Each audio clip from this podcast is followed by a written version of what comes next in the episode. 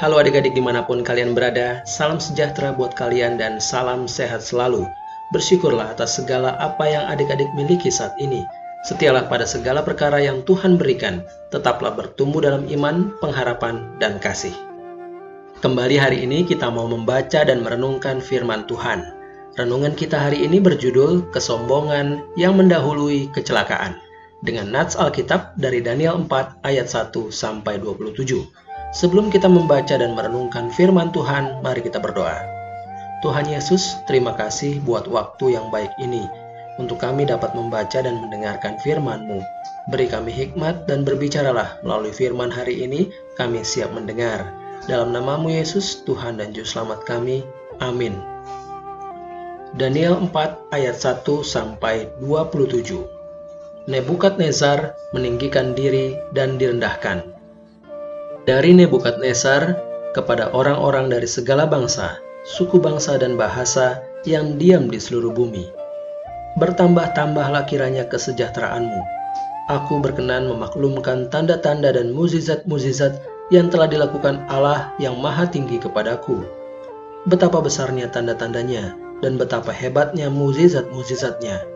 Kerajaannya adalah kerajaan yang kekal dan pemerintahannya turun-temurun Aku, Nebukadnezar, diam dalam rumahku dengan tenang dan hidup dengan senang dalam istanaku.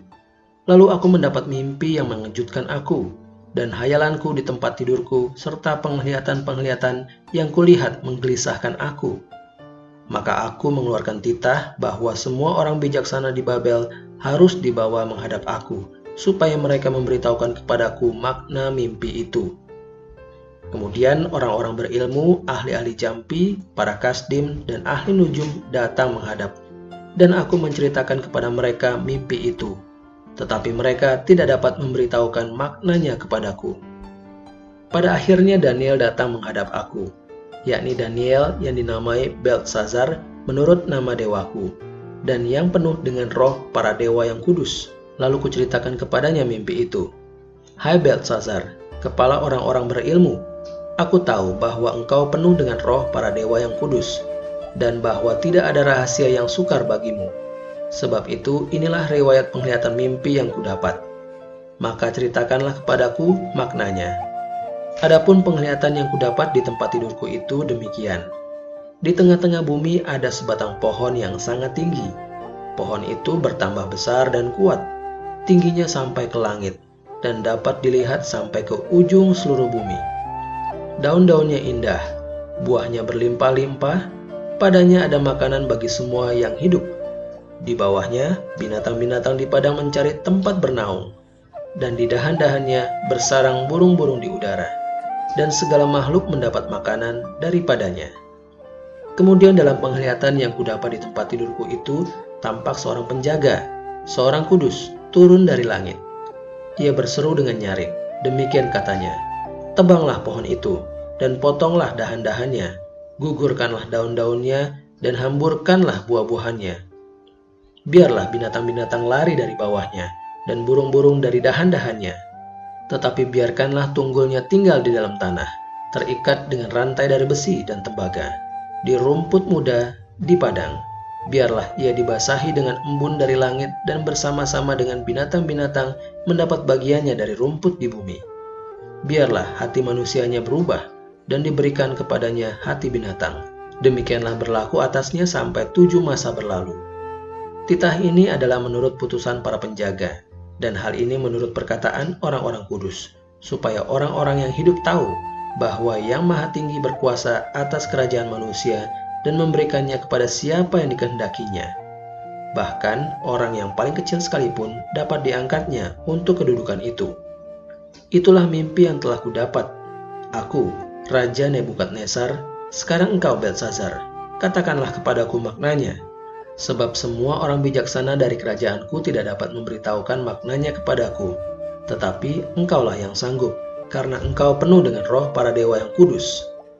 Lalu berdirilah Daniel yang namanya Belsazar, tercengang beberapa saat. Pikiran-pikirannya menggelisahkan dia. Berkatalah Raja, Belsazar, Janganlah mimpi dan maknanya itu menggelisahkan engkau. Belsazar menjawab, Tuanku, biarlah mimpi itu tertimpa atas musuh tuanku dan maknanya atas seteru tuanku. Pohon yang tuanku lihat itu, yang bertambah besar dan kuat, yang tingginya sampai ke langit dan yang terlihat sampai ke seluruh bumi, yang daun-daunnya indah dan buah-buahnya berlimpah-limpah, dan padanya ada makanan bagi semua yang hidup, yang di bawahnya ada binatang-binatang di padang, dan di dahan-dahannya bersarang burung-burung di udara. Tuankulah itu ya Raja, Tuanku yang telah bertambah besar dan kuat, yang kebesarannya bertambah sampai ke langit, dan yang kekuasaannya sampai ke ujung bumi. Tentang yang Tuanku Raja lihat, yakni seorang penjaga, seorang kudus, yang turun dari langit sambil berkata, Tebanglah pohon ini dan binasakanlah dia. Tetapi biarkanlah tunggulnya ada di dalam tanah, terikat dengan rantai dari besi dan tembaga, di rumput muda di padang, dan biarlah ia dibasahi dengan embun dari langit, dan mendapat bagiannya bersama-sama dengan binatang-binatang di padang, hingga sudah berlaku yang demikian atasnya sampai tujuh masa berlalu. Inilah maknanya ya Raja, dan inilah putusan yang maha tinggi mengenai Tuanku Raja. Tuanku akan dihalau dari antara manusia, dan tempat tinggal tuanku akan ada di antara binatang-binatang di padang.